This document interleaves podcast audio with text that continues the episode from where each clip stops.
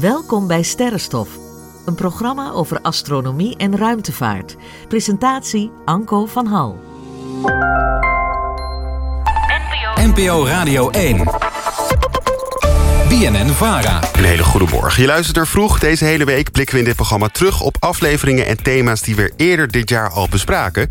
Zoals onze ruimtevaartuitzending van afgelopen april. Er is sindsdien zoveel gebeurd en zoveel heelal nieuws ook bijgekomen dat we vandaag er weer ruimte voor hebben gemaakt om erover te praten. We're going to the moon to explore, and we're going to the moon for scientific discovery. Seven, Now, galaxies that are far, far away have gotten a little bit closer. six, five, haarscherp voor het eerst vastgelegd door ruimtetelescoop James Webb. four, three, Ja, wat is onze plaats in het heelal? Waar komen al die sterrenstelsels vandaan? two, one. Vroeg. Met Stefan Komduur. Goedemorgen nogmaals. Vroeg van dinsdag 26 juli is dit De Ruimte. Het is een deel van ons leven waar we weinig controle over hebben. Wel krijgen we er steeds meer informatie over. Wat zijn de nieuwe ontwikkelingen binnen de ruimtevaart? Wat heeft bijvoorbeeld de beroemde James Webb-telescoop nou precies laten zien? En hoe kan jij op vakantie, want misschien zit je wel op je vakantieadres te luisteren... de meest bijzondere ruimteobjecten spotten? Terug in de studio, en daar ben ik heel blij mee... want vorige keer was ik ziek. Ehm, maar nu kan ik ze eindelijk allebei interviewen. Anko van Hal, maker van de Sterrenstof podcast. Goedemorgen. Goedemorgen Stefan. En naast jou zit Hens Zimmerman van Zimmerman in Space, de podcast. En Hens, we hebben elkaar nog nooit ontmoet. Maar gaan wel way back, want vroeger presenteerde ik eh, Focus. Ja. Midden in de nacht was dat, tussen twee en vier. Dat is drie jaar geleden volgens mij. Zoiets al, hè? Ja. Ik schuif langzaam richting het daglicht op. Ehm, en toen mocht ik jou al aankondigen. Het is goed dat je er bent in ieder geval. En Anko ook eh, goed dat jullie er zijn. Ehm, welkom terug allebei. Zit je te luisteren, heb je vragen? Je mag ze stellen in de gratis Radio 1. Het werd volop gedaan de vorige keer. Dus hopelijk eh, gebeurt dat nu ook weer. Ja. Ehm, Anko, je was dus 12 april bij ons te gast. Ja, Ja, je leven is daarna veranderd volgens mij. Hè? eigenlijk wel. Het is eigenlijk 180 graden gedraaid. Wat is gebeurd sindsdien? nou ja, er is ook beeld, hè. Mensen zien mij lachen en zo. En ik heb ook net koffie op, dus ik ben een beetje wakker. Eh, nee, Stefan, eh, er is inderdaad veel veranderd. Sinds ik hier ben geweest, een doorbraak van Sterrenstof. Het is Van jouw podcast. Van mijn podcast. En het is natuurlijk een eigen productie, een kleine productie... die we mm, eh, met veel plezier maken. Met Sidekicks Talkshow is het in het Arlet Pearson. En eh, die hebben een mooie studio waar we dat opnemen. Museum Amsterdam. Zeker. Ja. Ja. en dat doen we met veel plezier. Koffie en koek, gezelligheid en toegankelijkheid. En je hebt hem net geluisterd in de auto, hoor ik? Een stukje, ja. Een stukje. 20 minuten die ik moet rijden vanuit Amsterdam heb ik hier eh, heb Ja. ik geluisterd. Ja. En ik ben de redactie van eh BNN Vara. Vroeg heel erg dankbaar om uitgenodigd te zijn geweest op eh, 12 april. Met Hens samen. Mijn conculega, maar dat is een rotwoord. Eh, want dat zijn we helemaal niet meer. Nee joh. Er is zoveel gebeurd. We zijn Nee, joh, eigenlijk een soort Hens. vrienden geworden. Hens? Ja. Eigenlijk wel. Nou ja, Hens, en ondertussen ben je te gast geweest in die Sterrenstof podcast Precies. ook. Hoe was het nou echt, even? Nou, het was leuk om eens bij een professionele podcast eh, langs te gaan. Oh, doet hij altijd dit.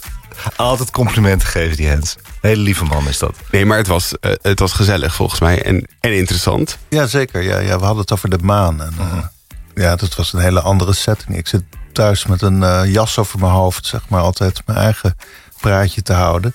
En dit is echt eh, rond een tafel met microfoons en zo. Dus, eh, Ja. Sidekicks. Sidekick, zelfs te weinig microfoons. Want er waren zoveel gasten dat er Ja. niet microfoons waren, hoorde ik. Ehm, en dat is ook wel het interessante. Daarom kunnen jullie volgens mij ook allebei hier te gast zijn... s ochtends, omdat jullie allebei een verschillende aanpak hebben... van hoe je naar die ruimte kijkt. Of in ieder geval hoe je er verslag van doet. Ja. Want mijn redacteur Hens, die appte mij nog gisteravond. Ja, ik heb die compilatie die we dan even net zo naar de openen horen. En hij schreef mij, het is een beetje alsof ik een eh, kunstwerk voor Rembrandt aan het maken ben. Of het het kan nooit zo mooi als dat Hens het kan, in ieder geval. ja, nou, dat is wel een enorm compliment. Hoor. Ik vergelijk mezelf niet met Rembrandt. Maar ik hou wel van eh, geluiden aan elkaar knutselen. Dus. Ja, en een beetje dromerig Ja. eh, daar overheen praten. Kan jij als geen ander. Hoe lang doe jij over één aflevering? Dat wisselt heel erg. Ik heb bijvoorbeeld mijn 200ste, daar ben ik echt wel een paar maanden mee bezig geweest. Omdat het een groot toneelstuk was. En eh, soms dan is het van eh, eten, koken en dan, god, ik moet nog een column maken. En dan staat hij er in een uurtje op. Ja, er moet er wel druk achter zitten in ieder geval. Ja, ja. En je bent een onwijze inspiratiebron, want dat hoorde ik dus in de Sterrenstof podcast. Armin van Buren, grote DJ, Ongelooflijk, hè? heeft een nummer die is zo fan van jouw podcast, laat ik het eerst zo zeggen. Die heeft een nummer gebaseerd op aflevering 25 van de podcast. Bizar, hè? Ja, Oumuamua. Ja, dat is erg leuk. En ik kreeg gisteren van een collega een appje dat Tim Hofman een grote fan is. Die, die eh, twitterde... eh, Zimmerman in Space pas na 218 on- afleveringen ontdekt. Dat is fantastisch, zeg. Alsof Marcel van Rosmalen een natuurkundeboek voorleest.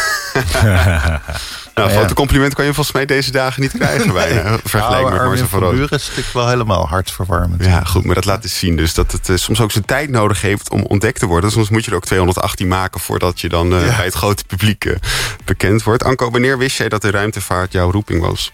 Oh, dat is lang geleden. Ehm, ik denk dat ik 8, 9 was.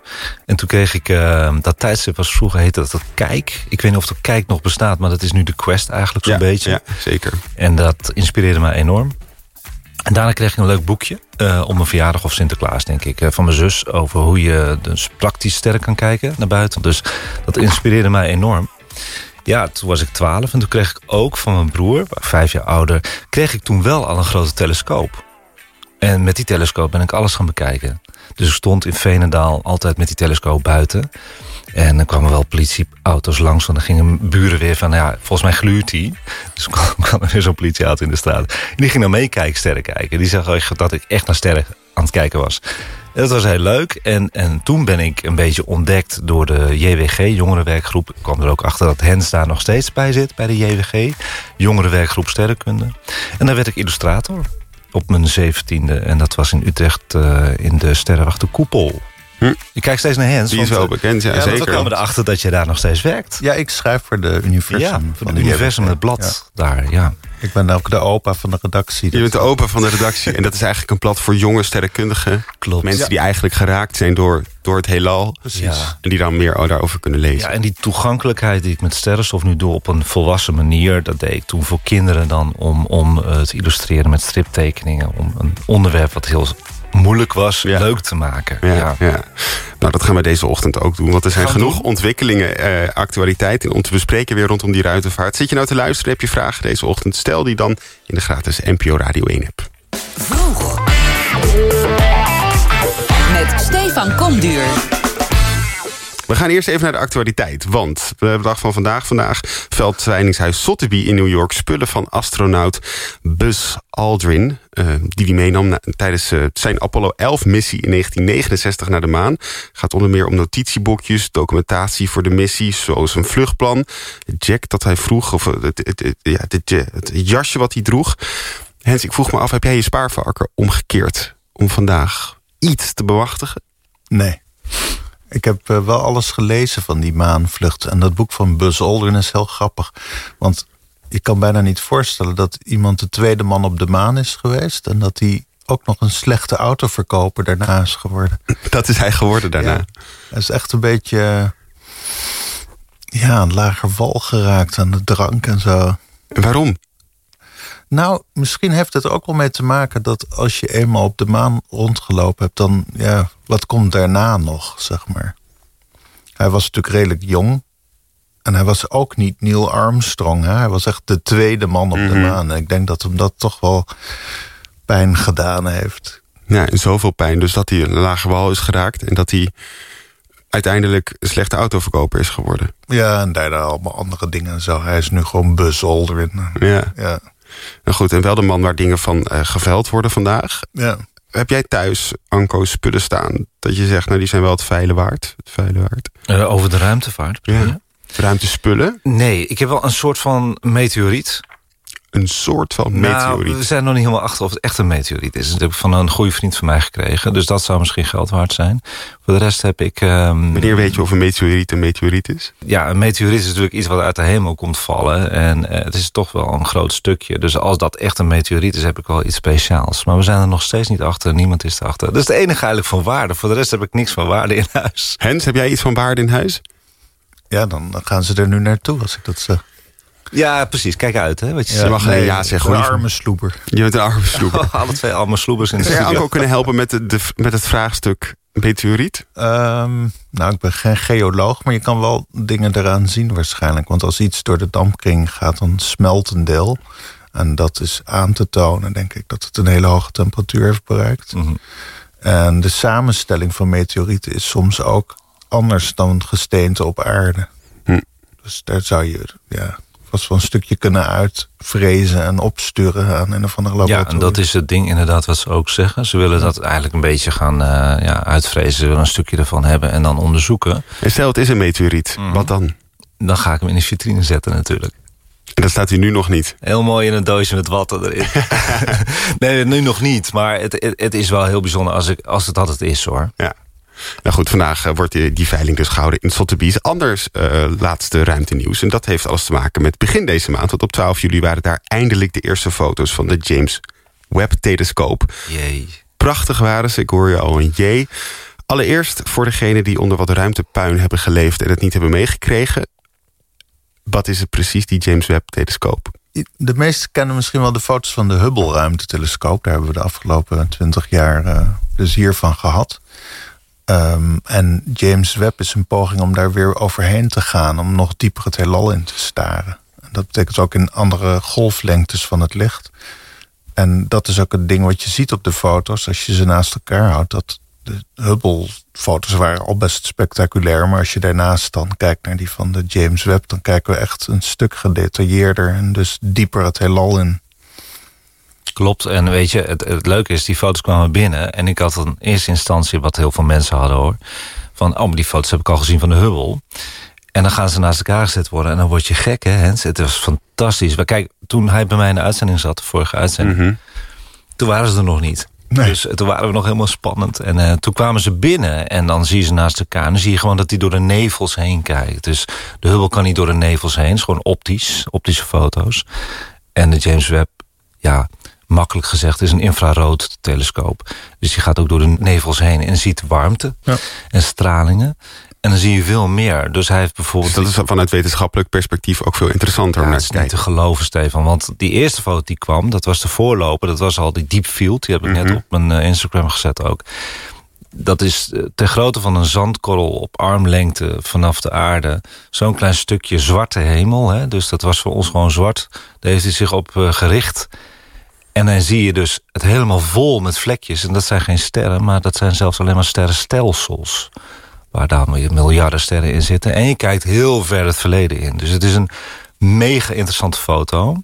En heel erg belangrijk voor ons bewustzijn op aarde ook. Ja, want we kunnen hem even um, erbij pakken misschien. En dan kunnen we even kijken wat er uh, te zien is. Um, want volgens mij als ik hem nu upload op de camera van NPO Radio 1...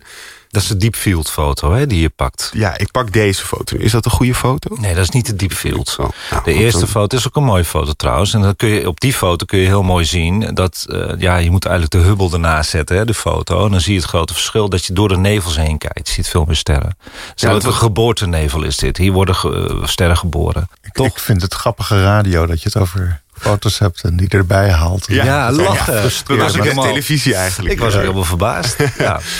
En wat, wat voor jou, je mag iets toevoegen nog? Nou, ik vind het vooral belangrijk. Dit is nog maar het begin. Hè? Ja. Dit zijn zeg maar de foto's om te laten zien dat het ding werkt. En dat die 10 miljard dollar niet vergooid zijn.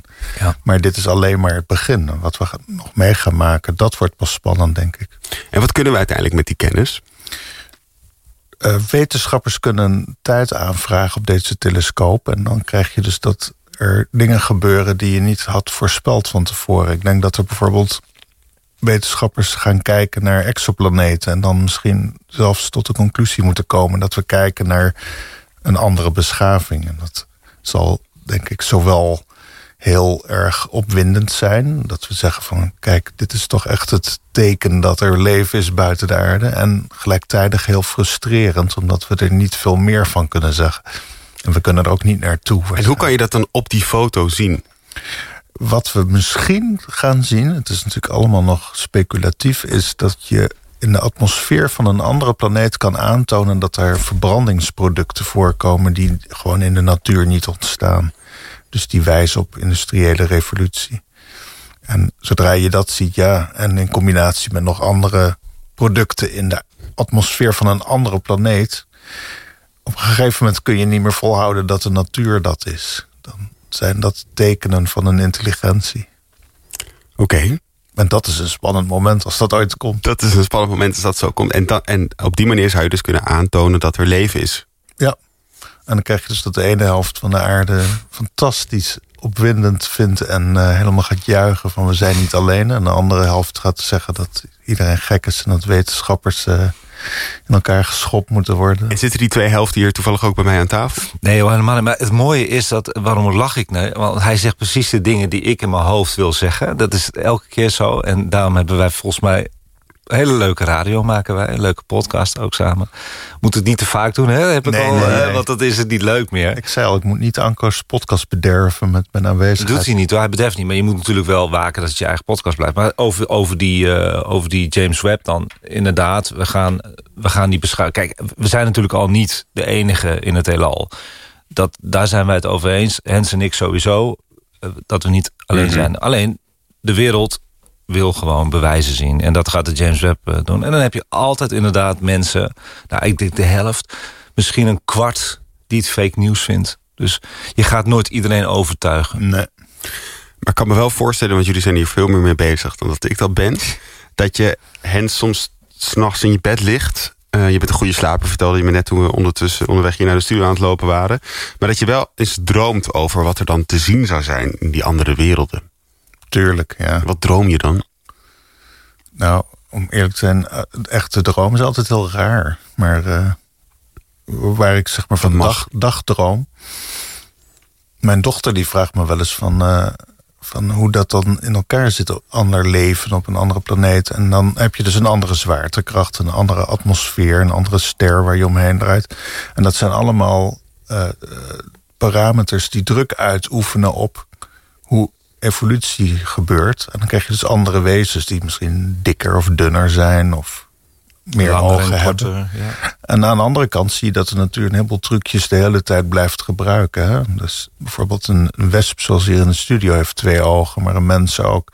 Dus je kan best zien dat we dat, die redundantie van ogen, dat je daarmee 3D kan zien, dat eh, dat ook weer voorkomt. Dus dan krijg je misschien hele dikke wezens met twee ogen. Nou, Ja, dingen. begint al te lachen. Het al, Daar eh, mag ik wel graag over nadenken, Ja. zeg maar. En Anko, denk je hier ook wel eens over na? Ja, al door. En, en, en daarom eet ik ook echt science fiction films op natuurlijk. Kijk, iedereen eh, vindt het fantastisch om te, om te horen. Hè? Fantastisch, daar zit het woord fantast al in. En denkt ook altijd aan science fiction films met groene marsmannetjes en zo. Maar eigenlijk is het helemaal niet zo gek. Die films zijn gebaseerd natuurlijk wel op wetenschappelijke feiten. En dan uitvergroot tot iets heel fantastisch. Maar het is helemaal niet zo gek. Het kunnen ook planeten zijn bijvoorbeeld die nog in de, eh, in de, in de fase zijn van de prehistorie. Maar het kunnen ook planeten zijn die veel verder zijn dan wij. Dus beschavingen die al veel meer en betere technologie hebben. Dus het is heel interessant. Daar fantaseer ik eigenlijk altijd over. Ja. En wordt je omgeving daar niet eens gek van? Eh, vroeger, toen ik jong was, was ik eh, extremer. Nu probeer ik het natuurlijk op een volwassen manier. Een 50-plus manier.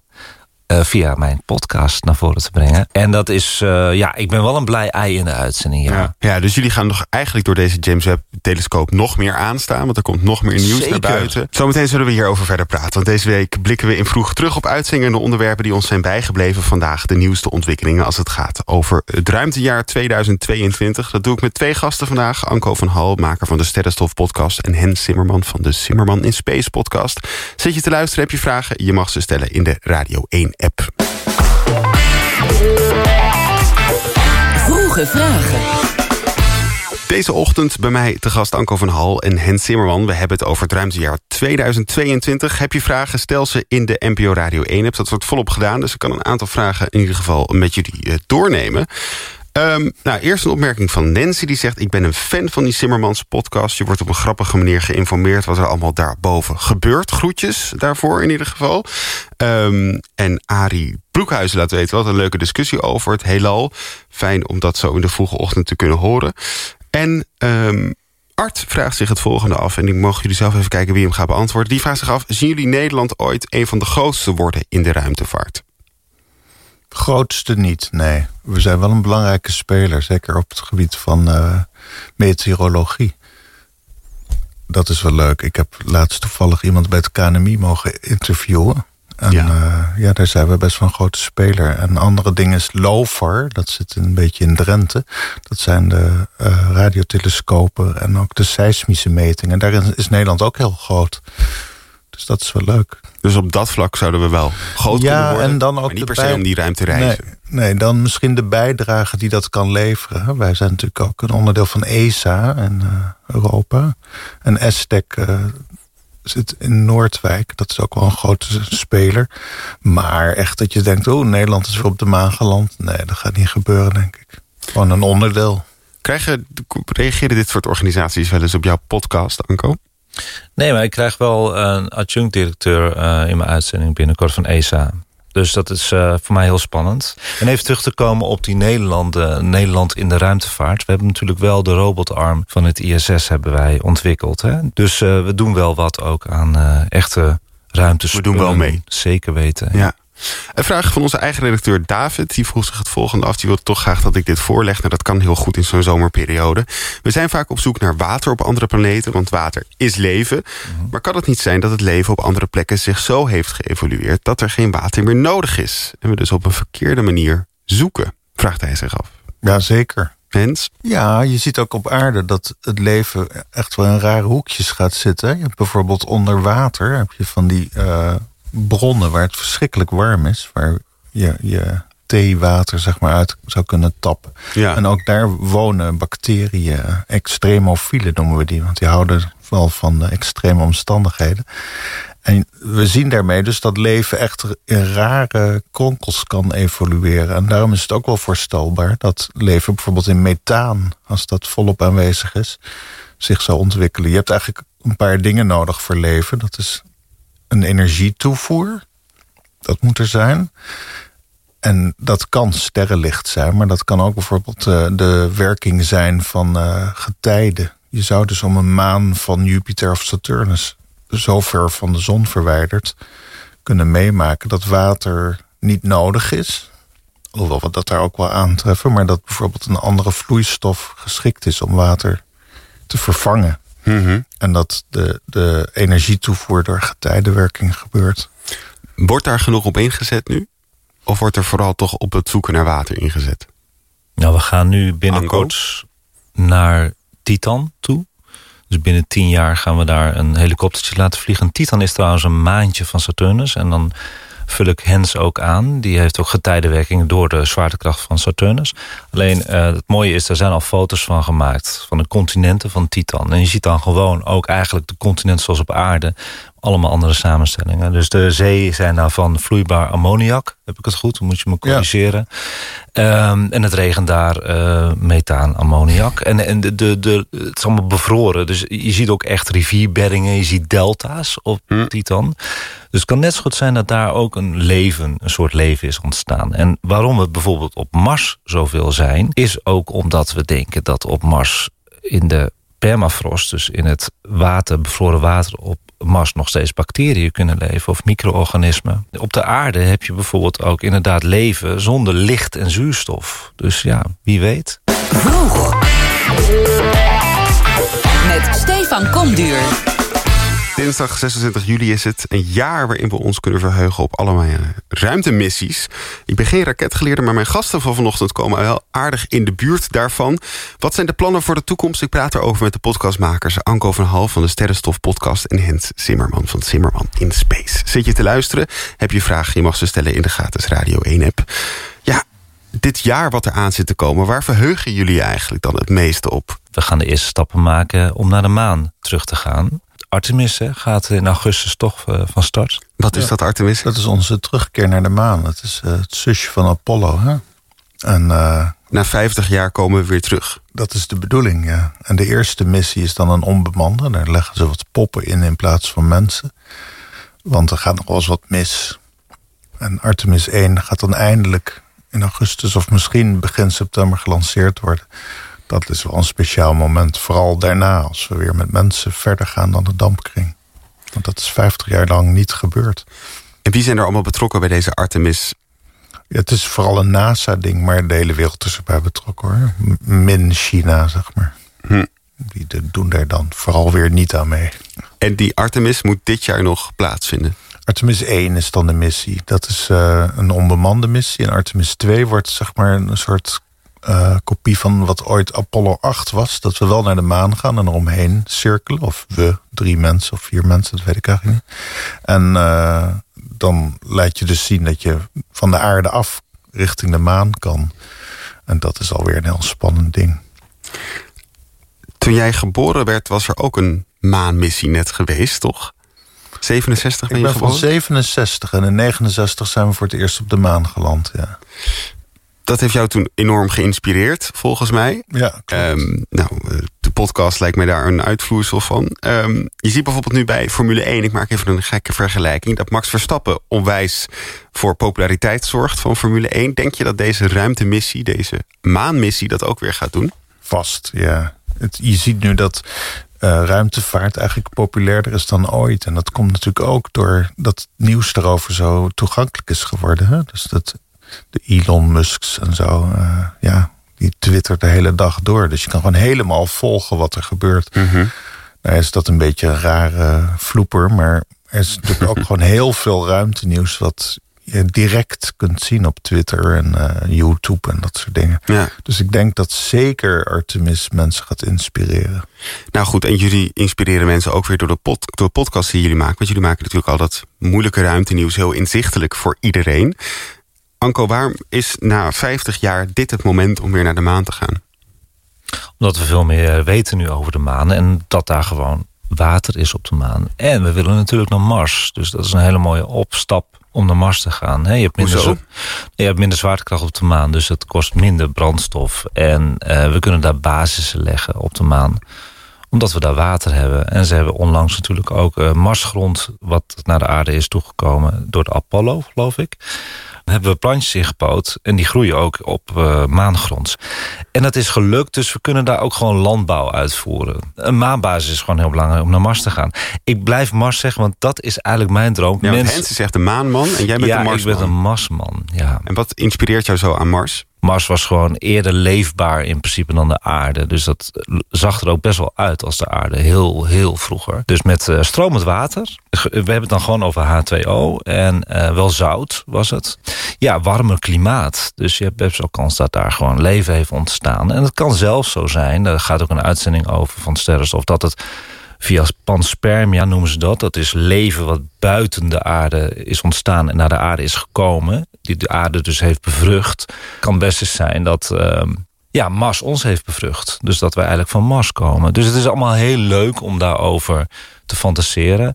Daarbij is het ook nog steeds mogelijk dat we er nog steeds uh, leven gaan vinden. Dus jij ziet de maan als een opstapje Zeker. om Mars te gaan ontdekken eigenlijk Zeker. verder. Ja. Um, Hens, zie je dat ook zo?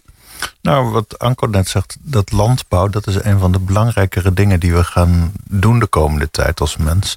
Dat betekent dus dat we laten zien dat je echt langere tijd... van de aarde verwijderd kunt zijn. Want als je op de maan je kropje sla kan laten groeien... en Ja. zuurstof kan betrekken uit wat er is... dan heb je dus het moment bereikt dat mensen niet meer alles mee hoeven te nemen. We nemen misschien wel de, de zaadjes van sla mee... maar je Mhm. laat zien dat je zo'n plant kan laten groeien... en dat je ter plekke een nieuwe, eh, nieuw ecosysteem kan ontwikkelen. En als we dat voor elkaar hebben... dan zijn we een heel eind verder als mens. Want dan, ja, dan kun je dus misschien een ruimteschip bouwen... waar je al die grondstoffen dus wel aan boord hebt... om dat voor elkaar te krijgen, maar de rest ter plekke doet. Zuurstof ontwikkelen, planten laten groeien... dat je ook groente eet en niet alleen maar een paar blikken troep En ligt daar dan in het, in het verlengde daarvan... dat je op een gegeven moment de maan ook gaat bevolken met elkaar?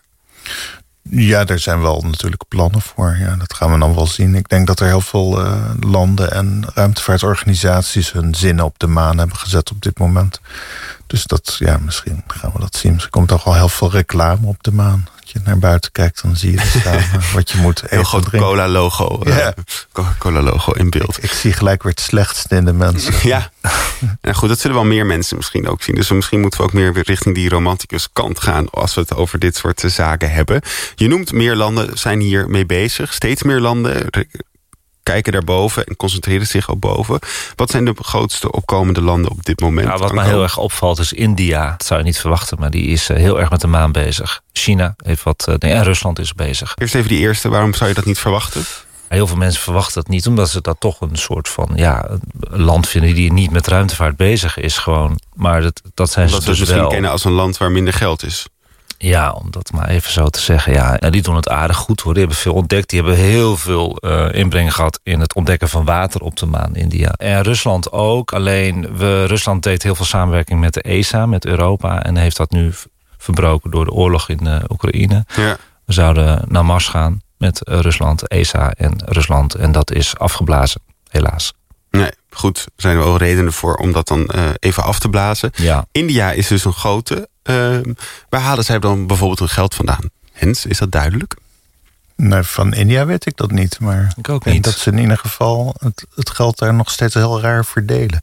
Ja. Dan heb je toch wel een hoop armoede. Ja. Aan de andere kant, ja, daar had ik het gisteren ook over met jouw eh, eh, productie, eh, mevrouw die belde. Ja. En Bij Messi, degene die jullie dan al wat eerder spreekt. ja, ja onze held. onze held. We hadden het erover. Kijk, je kan zeggen van dat geld moet je natuurlijk anders besteden. Aan de andere kant is het ook heel veel werkgelegenheid. Dus op die manier kan het zijn dat India zichzelf daardoor juist meer op de kaart zet en meer geld beschikbaar maakt voor de toekomst. Dat zie ik dan toch wel weer heel positief.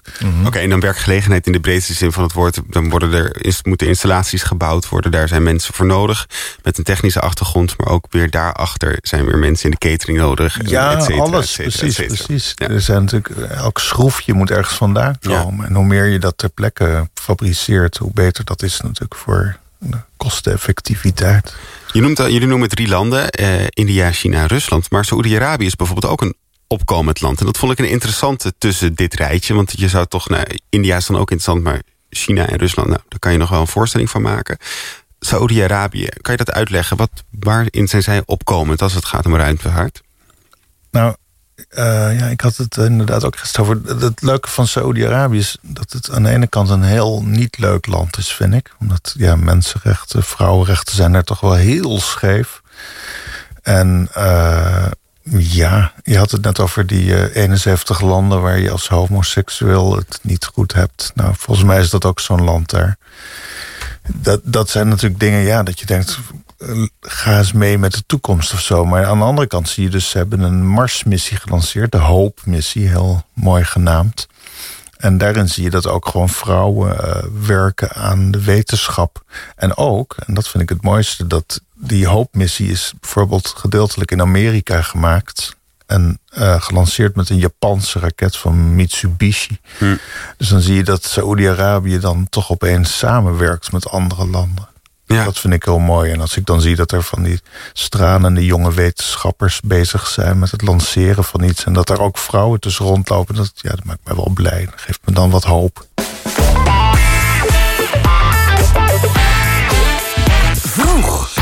Deze ochtend twee ruimtemannen bij mij in de uitzending. Anko van Hal van de Sterrenstof podcast... en Hen Zimmerman van de podcast Zimmerman in Space. We blikken deze hele week in vroeg terug op uitzendingen die ons zijn bijgebleven. 12 april was zo'n uitzending. Toen hadden we het over de ruimtevaart. Op de dag van de ruimtevaart was dat volgens mij toen, hè? Klopt. Ja. Dat klopt, ja. En eh, we hebben het eh, dit uur over het ruimtejaar 2022. We hebben het al over de James Webb-telescoop gehad. We hebben het over landen gehad die de ruimte bestormen. Nieuwe landen ook. Vragen mogen nog gesteld worden in de gratis Radio 1-app. En over landen, daar kwam een vraag binnen. En die vraag is, even kijken waar die naartoe is gegaan. Ehm, hier, van David, die vraagt zich af. Ik zag laatst dat China bezig is met de bouw van een eigen ruimtestation. Weten jullie wat de bedoelingen hiervan zijn? En aansluitend, wat is de toekomst bijvoorbeeld dan van ISS? Ik kan me voorstellen dat het ook niet het eeuwige leven heeft.